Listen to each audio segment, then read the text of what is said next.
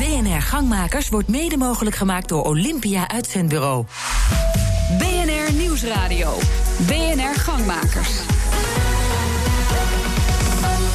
Maarten Bouwhuis. In magazijnen vallen jaarlijks zeven doden door ongevallen. De logistieke sector vindt het hoog tijd om magazijnen veiliger te maken. En presenteert de code Gezond en Veilig Magazijn. Hoe wordt het magazijn dan veiliger?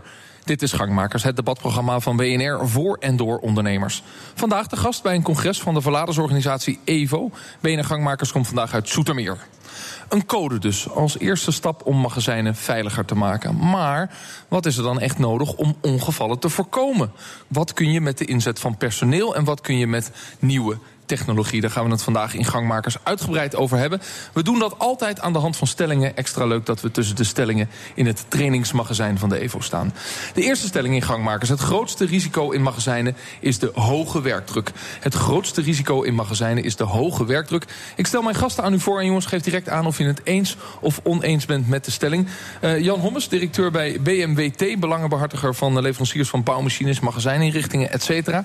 Eens of oneens met de stelling? Eens. Eens met de stelling. Johan Kerver, veiligheidsexpert bij de EVO. Oneens. Oneens. Tjitse van Rijssel, bestuurder bij uh, CNV Vakmensen. Ik ben het eens met de stelling. Uh, de stelling, het grootste risico in magazijnen is de hoge werkdruk. Tjitse is het eens met de stelling. Steven Gudde, manager innovatie bij Olympia. Oneens. Oneens met de stelling. Uh, Tjitse van Rijssel, eens met de stelling. Jan Hommes, eens met de stelling. Tjitse, waarom?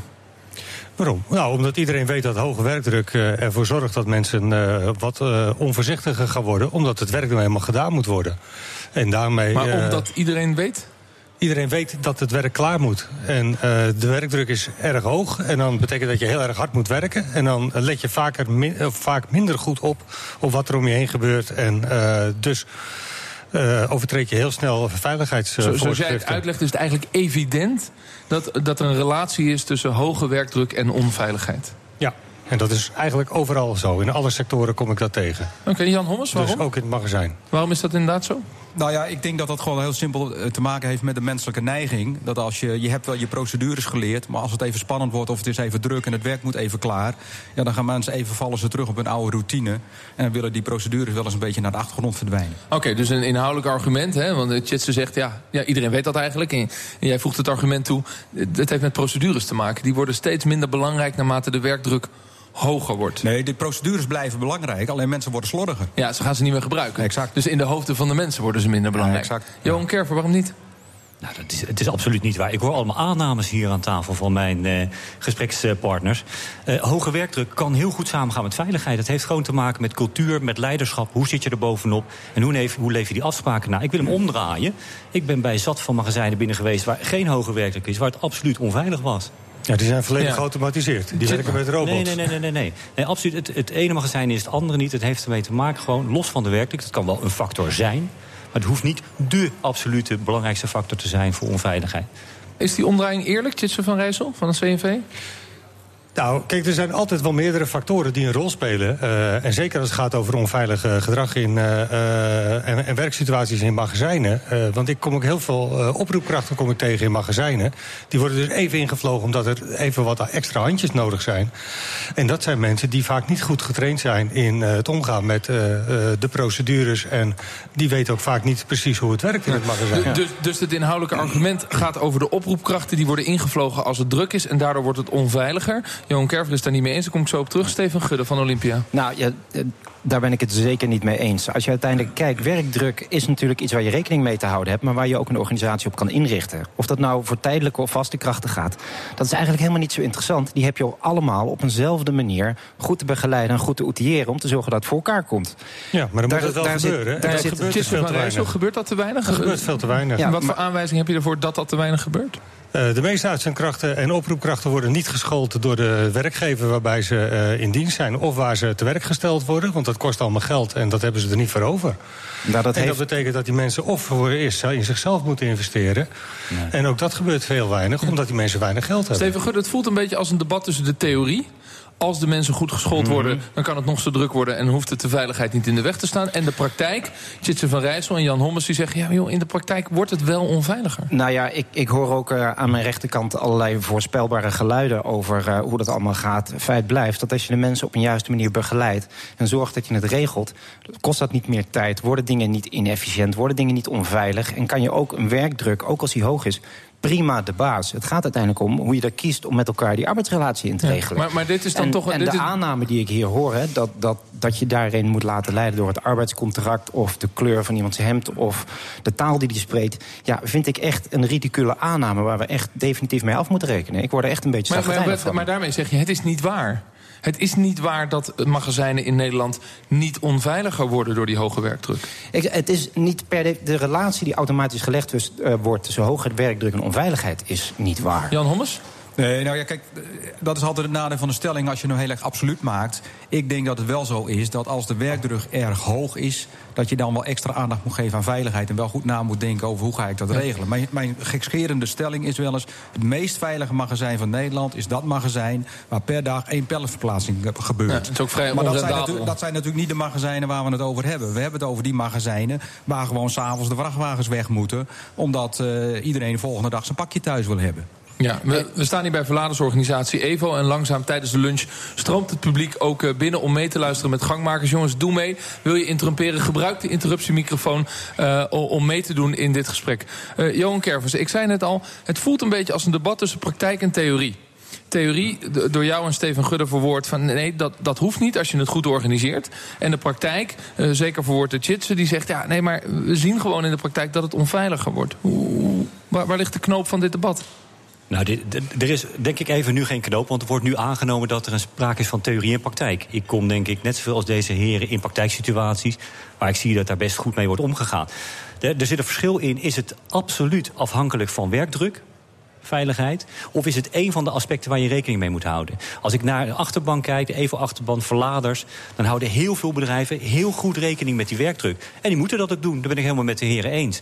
Maar nu ontstaat er een soort scapegoat van als je zonder met die hoge werkdruk kan je niks anders meer aan veiligheid doen. Dan is het altijd. Maar aanleiding hier, om het hier met elkaar over te hebben, ehm, is een, een code die nu door de EVO in de markt wordt gezet. En is ook een aanleiding, er vallen nog steeds zeven doden per jaar in magazijnen. Dus er is wel iets aan de hand. Eh, is werkdruk, hoge werkdruk, Chitsen van Rijssel, de belangrijkste oorzaak dan? Of is er een andere belangrijke oorzaak? Nee, ik zei net al, van er zijn meerdere oorzaken die zorgen dat het probleem er is. En eh, dat betekent dat je het er ook niet mee bent om eh, één oplossing te gaan bedenken. Je moet dus op meerdere terreinen moet je zorgen dat je de goede dingen doet. Dus je moet in de eerste Maar plaats wat is een extra je- terrein waar jij vindt dat dan meer in geïnvesteerd zou Nou, moeten worden? Sowieso in mensen. eh, want het zijn mensen die het werk doen in het magazijn. Dat is je, dat is je kapitaal op dat moment. En daar moet je heel goed mee omgaan. En Nemen werkgevers moment- te weinig verantwoordelijkheid om op te leiden? Eh, dat denk ik wel. Eh, maar veel werknemers zelf ook, eh, moet ik eerlijk zeggen. Eh, want werknemers kunnen zelf ook wel wat meer doen aan scholing. Alleen het grote probleem is vaak dat die daar ook geld voor moeten hebben. En dat hebben ze dus niet, omdat het loon veel te laag is. Dus, dus dat, dat- dat, knelt aan alle kanten. En dan blijf je dat soort rapporten krijgen van de arbeidsinspectie... waar iedere keer uit blijkt dat werken in magazijn hartstikke gevaarlijk is. Steven Gudde, het begint dus bij mensen en die moeten zelf ook investeren in hun opleiding. De werkgever en de mensen zelf. Mhm. Maar hebben ze nauwelijks geld voor, want ze verdienen weinig. Ja, en nu worden gelijk opleidingen ook heel groot en heel eh, e- enorm gemaakt. De eh, sleutel Nee, volgens mij bij, bij opleidingen zit dat je juist een medewerker moet helpen om het werk te doen en op een veilige manier te doen. En eh, op een manier die past binnen de omgeving waarin die werkt. Dat zijn geen hele grootse investeringen. Dat zijn vaak hele kleine blokken die je vooral moet blijven herhalen. Schieten werkgevers daarin tekort om dat te doen? In, in sommige gevallen kan je wel zeggen... joh, het aan de voorkant iemand een enorm opleidingsprogramma meegeven... en dan geloven dat het wel goed zit. Ja, dat is een verkeerde aanvliegroute. Uh, Je Jan, veel je had het net over de, over de rente, eh, het- rendabele magazijn. Onderdeel van, die, eh, van dat rendabel zijn eh, is natuurlijk dat probleem van de kosten. En, Ja, en als we een beetje kunnen drukken in die opleiding... want die marges zijn superdun in die grote magazijnen... wordt hier toch af en toe een beetje nou ja, te makkelijk mee omgegaan? Nou, ik, ik denk dat mensen zich onvoldoende realiseren wat eh, goed opgeleid personeel gaat opleveren. En de ervaring die we hebben vanuit de prijs voor het veiligste magazijn, om dat voorbeeld te noemen, is dat eh, als je investeert in veiligheid, dat uiteindelijk uh, rendement oplevert. Je hebt uh, werknemers die tevredener zijn, die beter in hun vel zitten, die minder ongevallen hebben, minder schades maken. Je efficiëntie gaat omhoog. Dus uiteindelijk ga je geld verdienen. Alleen ja. dat is wel een visie op een wat langere termijn. Terwijl natuurlijk vaak uh, ja, de kost gaat voor de baat uit. En ja, als we alleen ja, maar naar vandaag kijken... Neem dan... de magazijnen in de retail, daar is de lange termijn ingewikkeld. Ik ga naar de interruptiemicrofoon, met wie heb ik het genoegen?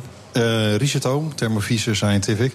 Ik ben het uh, met je eens. Uh, met, met Johan Kervers? Met Johan, ja, sorry. Ja, met Johan van de Evo, ja. ja. Uh, wat belangrijk is, wat mensen nu even vergeten... is dat ook vanuit de overheid uh, veel uh, ja, gelden beschikbaar gekomen... om de opleidingen te be bekostigen in deze soort magazijnen. Juist voor deze groep waar we het over Worden hebben. die gelden wel aangesproken en gebruikt? Veel te weinig, veel te weinig. En, en bij wie ligt die verantwoordelijkheid om dat uh, uit te gaan diepen... en, en zorgen dat dat geld naar die, naar die opleidingen toe gaat? Uh, bedrijven zelf, maar ook samenwerking bijvoorbeeld met een bedrijf... Uh, zoals de EVO onder andere. Of ja, er zijn wel meer opleidingsinstituten die daaraan mee kunnen doen. Juist, dus er is wel geld, Johan Kervers, maar het wordt niet gebruikt.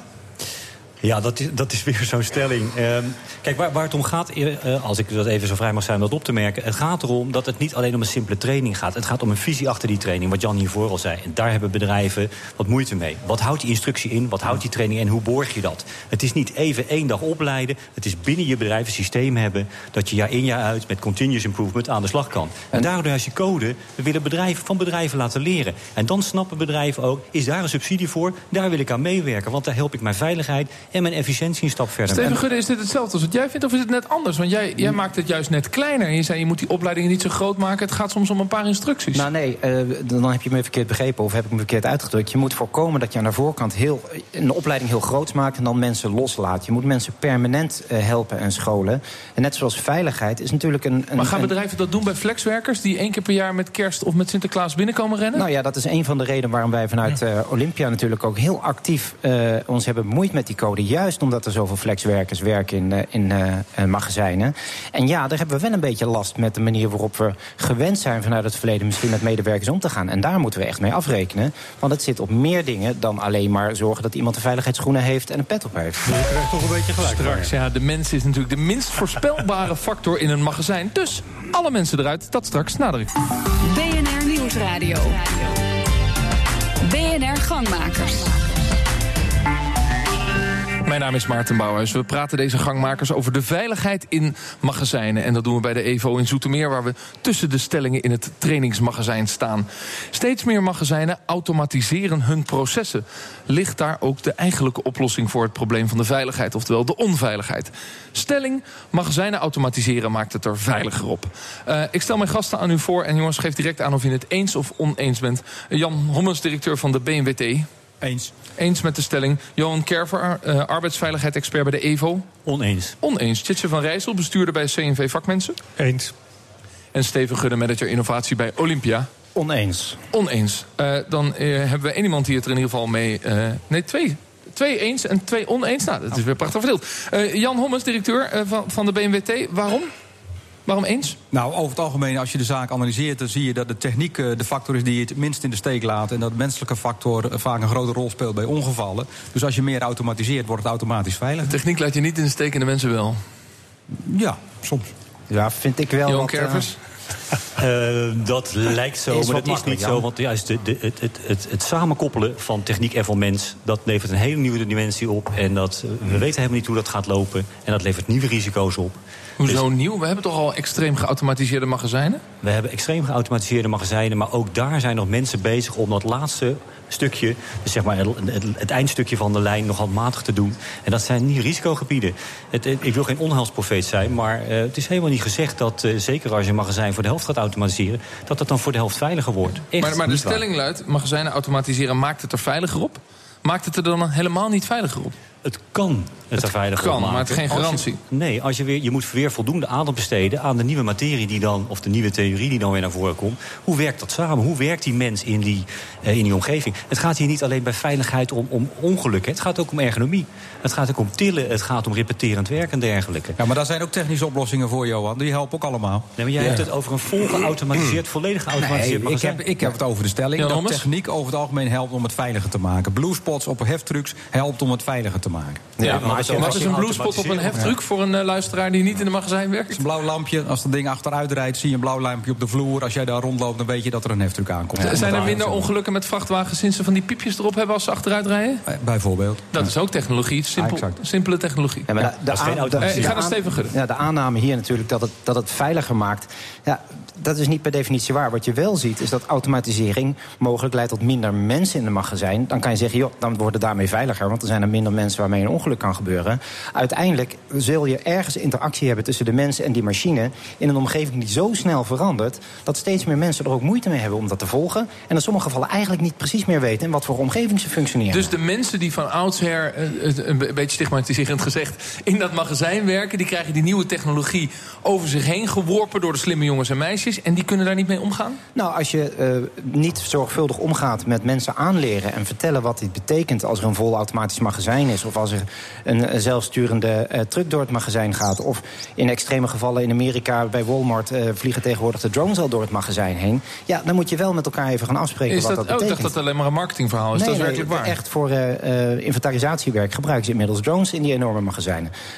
Ja, daar moet je wel echt serieus over gaan nadenken. Ergens komen die mens eh, en, eh, en die techniek bij elkaar. En we weten nog niet precies hoe dat werkt. Ja, Tjitse van Rijssel, jij zegt ja, de magazijnen worden veiliger als we ze automatiseren. Ja, dat klopt. Want hoe minder mensen er zijn, hoe minder kans op ongevallen er zijn. Ja. Eh, dus hoe, eh, als je in een magazijn hebt waar geen mensen werken... zul je daar ook geen ongevallen hebben met eh, dodelijke slachtoffers en meer van dat soort dingen. het is bijna Cruyffiaans zoals je het uitlegt. Eh, Mooi, hè? eh, maar, eh, eh, maar de mensen om jou heen, die, die zeggen... ja, maar wacht eens even, er zijn misschien wel wat minder mensen... maar die mensen die eh, moeten omgaan met allerlei nieuwe technieken. Eh, en ja, dat is een beetje lastig voor ze. Hoe kijkt het CNV daarnaar? Want ja, die, jullie ja, vertolken natuurlijk ook een groep mensen... die misschien al lang in de magazijnen werkt... en die ook maar daarmee om moeten leren gaan. Ja, nou ja, met daarom ook het pleidooi om eh, te zorgen dat mensen geschoold worden en getraind worden. En eh, dat mensen daar ook zelf een stuk verantwoordelijkheid in hebben. Want we weten inmiddels dat heel veel werk dat dat in de komende jaren waarschijnlijk gaat verdwijnen. En dan moet je wel zorgen als werknemer dat je eh, voldoende geschoold en ontwikkeld bent om vrij makkelijk de aansluiting op de arbeidsmarkt te kunnen blijven houden. Ja, als het over veiligheid gaat, welk type veiligheid heb je het dan het meest over? Want er werd hier al gezegd, ja, het gaat ook over ergonomie. Het voelt mij een beetje als dat je alles automatiseert. Je zet iemand achter een computer en ik krijg een muisarm. Ja, dat is ook onveilig, weet je wel. dat, dat, dat- ja. dat maar of moeten we het gewoon echt over ondodelijke ongelukken met stellingen en heftrucks hebben? Eh, dat nou, we weten waar we het over hebben. Nee, die, maar, maar goed, dat zijn de meest spraakmakende eh, zaken natuurlijk. Maar er gebeuren veel meer enge dingen eh, waar mensen gewoon last van hebben. Als iemand in een spijker trapt, kan dat ook buitengewoon vervelend en lastig zijn. En dat zorgt voor een enorme verstoring in je werkproces. Dus je moet dat soort dingen allemaal willen voorkomen. En daarvoor heb je goede procedures nodig, maar ook goed geschoolde en getrainde mensen. En langdurige arbeidsrelaties, daarmee zorg je er vaak wel voor dat mensen eh, goed ge- ge- getraind en geschoold worden. En eh, dat moet je dan eh, goed bijhouden. Nou, en daarmee voorkom je dus ook dat er plotseling allerlei dingen gebeuren. Ik had het voor de reclame over het verschil tussen theorie en praktijk.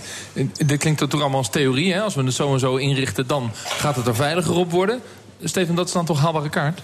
Ehm, nou ja, je kan op zijn minst zeggen, als er minder mensen zijn... dan eh, zijn daar in ieder geval minder aantal ongelukken. Dat betekent niet per definitie veiliger. Ehm, ik Hoezo? even- Dat begrijp ik dus echt niet. ik Als er toch al minder vrouwen worden gebeld dat hun man een ongeluk heeft gekregen in een magazijn... om Nou, weer dan een is cliché neer dan te is leggen dat, er in- vooral mannen in, Dan magazijnen is dat werken. een aantal natuurlijk eh, is dat hartstikke mooi. Maar uiteindelijk gewoon in die één op één relatie van iemand die gewoon dat magazijn in moet, wordt het niet per definitie veiliger als je dat niet goed regelt. Dus het gaat, veiligheid is niet een collectief ding, is een individueel issue waar één medewerker last van heeft ten opzichte van andere medewerkers. Jawel, maar we gaan Nee, maar de dus- EVO legt een dus code neer. Je moet een aantal dingen regelen. Je moet niet blind ergens techniek introduceren. Maar als je techniek introduceert, moet je mensen daar wel even uitleggen wat dat betekent Nou ja, en dat soort dingen. ab- En absoluut. je moet Maar mensen ook niet blind een situatie insturen die hun niet bekend is. Exact, maar in zijn algemeenheid gewoon even die stelling. Techniek helpt om het veiliger te maken. Ja, maar hè, om, om Steven misschien Gudde? eh, dat, dat voor, voor eh, eh, ook de luisteraars wat eh, duidelijker te maken. Als je een volautomatisch magazijn hebt, dan heb je ook geen verlichting in een magazijn meer nodig. Dat maakt magazijnen donker en onoverzichtelijk. En daarmee voor mensen die daar naar binnen moeten voor onderhoud, in sommige gevallen simpelweg gevaarlijker. Dus dan heb je hartstikke geautomatiseerd magazijn. Maar je kunt Dat- toch het licht aan doen als de onderhoudsmonteur Ja, naar binnen loopt? Dat kan, maar weet je, daar moet je dus wel even met elkaar rekening mee houden. En Dus dat je kan moet zelfs met een de- sensor. Je hoeft niet eens een knopje om te dus doen. de vanzelfsprekendheid waarmee je zegt... joh, we gaan automatiseren en daarmee wordt het veiliger... Die, dat automatisme is er niet. Je zult mensen moeten helpen met die nieuwe wereld om te gaan. En Maar ik ben het niet eens met... ik begrijp het, ik begrijp het. Maar Johan Kervers, zou het dan toch niet helpen om... eh, het- vanuit je campagne eigenlijk, vanuit je Evo en allerlei andere partijen die betrokken zijn bij veiligheid in het magazijn, wel vanuit die zelfsprekendheid te uh, redeneren. Want dan kun je bedrijven ook stimuleren om te automatiseren.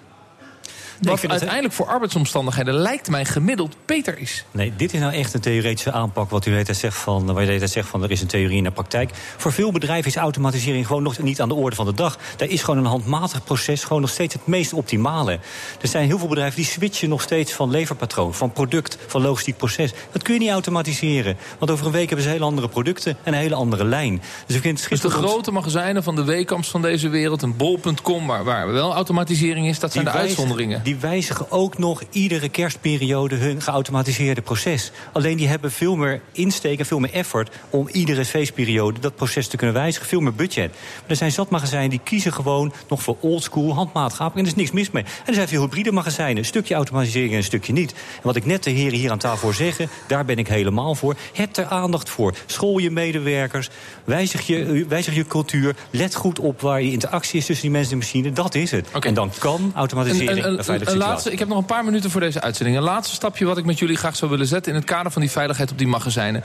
Um, the proof of the pudding is in the eating. En dat gaat natuurlijk in de uh, laatste periode van dit jaar weer gebeuren. Zeker in de grote retailmagazijnen. Ik weet wel, we hebben veel meer soorten magazijnen. Maar dan wordt het altijd weer overal ontzettend druk. Uh, bij Coolblue, bij Bol.com, nou, noem ze maar op. Uh, dan komt er heel veel flex personeel binnen, Steven Gudde. Ja. Worden die ook, en wordt het vaste personeel ook... beloond op basis van productiviteit? Hoe Uh, meer orders ik pik, hoe meer ik verdien? Dat zou ik niet uh, durven zeggen, want jij vraagt een algemene uitspraak over, maar gebeurt over dat iets wel. Ja, het gebeurt. Ja. ja. Tjiske van Rijssel, als je, als je dat beschouwt... is dat een manier van belonen van personeel... wat ook weer onveiligheid in de hand kan werken? Maar natuurlijk. Want dat, ook dat zien we overal. Op het moment dat je mensen uh, op basis van stukloon gaat belonen... Uh, dan betekent het gewoon dat ze uh, heel hard moeten werken om een beetje geld te verdienen. En heel lang moeten werken om iets meer te kunnen verdienen. En daarmee werk je vanzelf alweer allerlei onveilige situaties in de hand. Ja, ja maar dat doet suggereren alsof iemand die, niet op, stuk, die, die op stuksloon werkt... als hij achterblijft dan niet betaald zou worden. Dat is natuurlijk niet waar, want we hebben gewoon met elkaar cao's om ons aan te houden... en verloningsstructuren om ons aan te houden. Dus met alle respect voor de, de heer hier rechts naast mij. Ja, hè, het werken op stuksloon, daar kan je over discussiëren of dat zinnig of onzinnig is. Hè, dat is een hele andere discussie, daar hebben we het hier niet over. Maar het is natuurlijk niet zo dat het op een of andere manier negatief doorwerkt op je maar beloning. Dat is natuurlijk, natuurlijk werkt dat wel negatief dat is de door. Vraag, want deze uitzending gaat over onveiligheid in het magazijn. Dus het laatste stukje, het wordt heel druk in december. Uh, uh, er komen heel veel flexwerkers. Er wordt soms ook beloond op basis van stuksloon. CNV Vakmensen zegt, moeten we niet aan beginnen. Ja, en sterker nog, de uh, minister Ascher heeft al aangegeven dat hij uh, ook wil dat er van stukloon wordt afgestapt. Okay. Juist vanwege het simpele feit dat je heel vaak situaties tegenkomt waarbij het niet duidelijk is of mensen nou wel of niet het wettelijk minimumloon verdienen. Ah, okay. Dus bedrijven zich aan de wet houden. Uh, en daarnaast. Maar goed, dat, dat loopt een beetje weg van de veiligheid. Johan Kervers, ja, maar dat heeft er wel, heeft er wel veel mee te maken. Sorry, ik wil het focussen op de veiligheid. Is er een relatie wat jou betreft met de manier waarop je met je, met je personeel omgaat en de verloning en veiligheid? Tussen alles zit een mogelijke relatie. Maar als je een goed systeem hebt en je maakt je medewerkers duidelijk... overigens uh, conform het minimumloon of daarboven... Uh, dat er veilig moet worden gewerkt, maar vervolgens wel productiviteit wordt gestuurd. En dat is gewoon, het is logistiek, het is productie. Hè? Daar gaat het om in, in ons achterban. Daar verdienen wij in Nederland onze boterham mee. Daarvoor kunnen we hier aan deze tafel staan. Ja, precies. En, en, dus ligt er een relatie. Is er maar... niks mis als je dat goed uh, organiseert en je, je bedt het goed in en je zorgt voor een ja. veiligheidscultuur, hoeft dat helemaal niet een probleem te zijn. Jan Hommers, is dit, dit laatste puntje wat ik nu aanhaal, is dat, op een, is dat zout op een slak? Nou, zout op een slag. Ik denk dat uh, uh, hoge efficiëntie heel goed uh, hand in hand kan gaan met veiligheid. Ja, en die hoge efficiëntie is nodig, want de marges zijn dun. Uh, dan wordt er dus gepleit voor zoveel mogelijk veiligheid. Uh, tot slot, Johan Kerver, wat is het doel van de code waar we het vandaag over hebben, de nieuwe code? Het doel van de code is bedrijven te helpen die echt wel willen en die best intentie hebben, maar die weten niet waar ze moeten beginnen, stapje voor stapje beter te worden op het gebied van gezond en veilig werken in het magazijn. Juist. Leren van elkaar. Uh, ik dank mijn gasten hier voor de uitzending uh, bij de EVO. Uh, tussen de stellingen van het magazijn. Dit was BNR Gangmakers alweer elke woensdagavond om 7 uur te beluisteren. Luister ons terug via de BNR-app. En volg ons natuurlijk op Twitter via BNR Gangmakers. Volgende week zijn we er weer. Tot dan. Dag. BNR Gangmakers wordt mede mogelijk gemaakt door Olympia Uitzendbureau.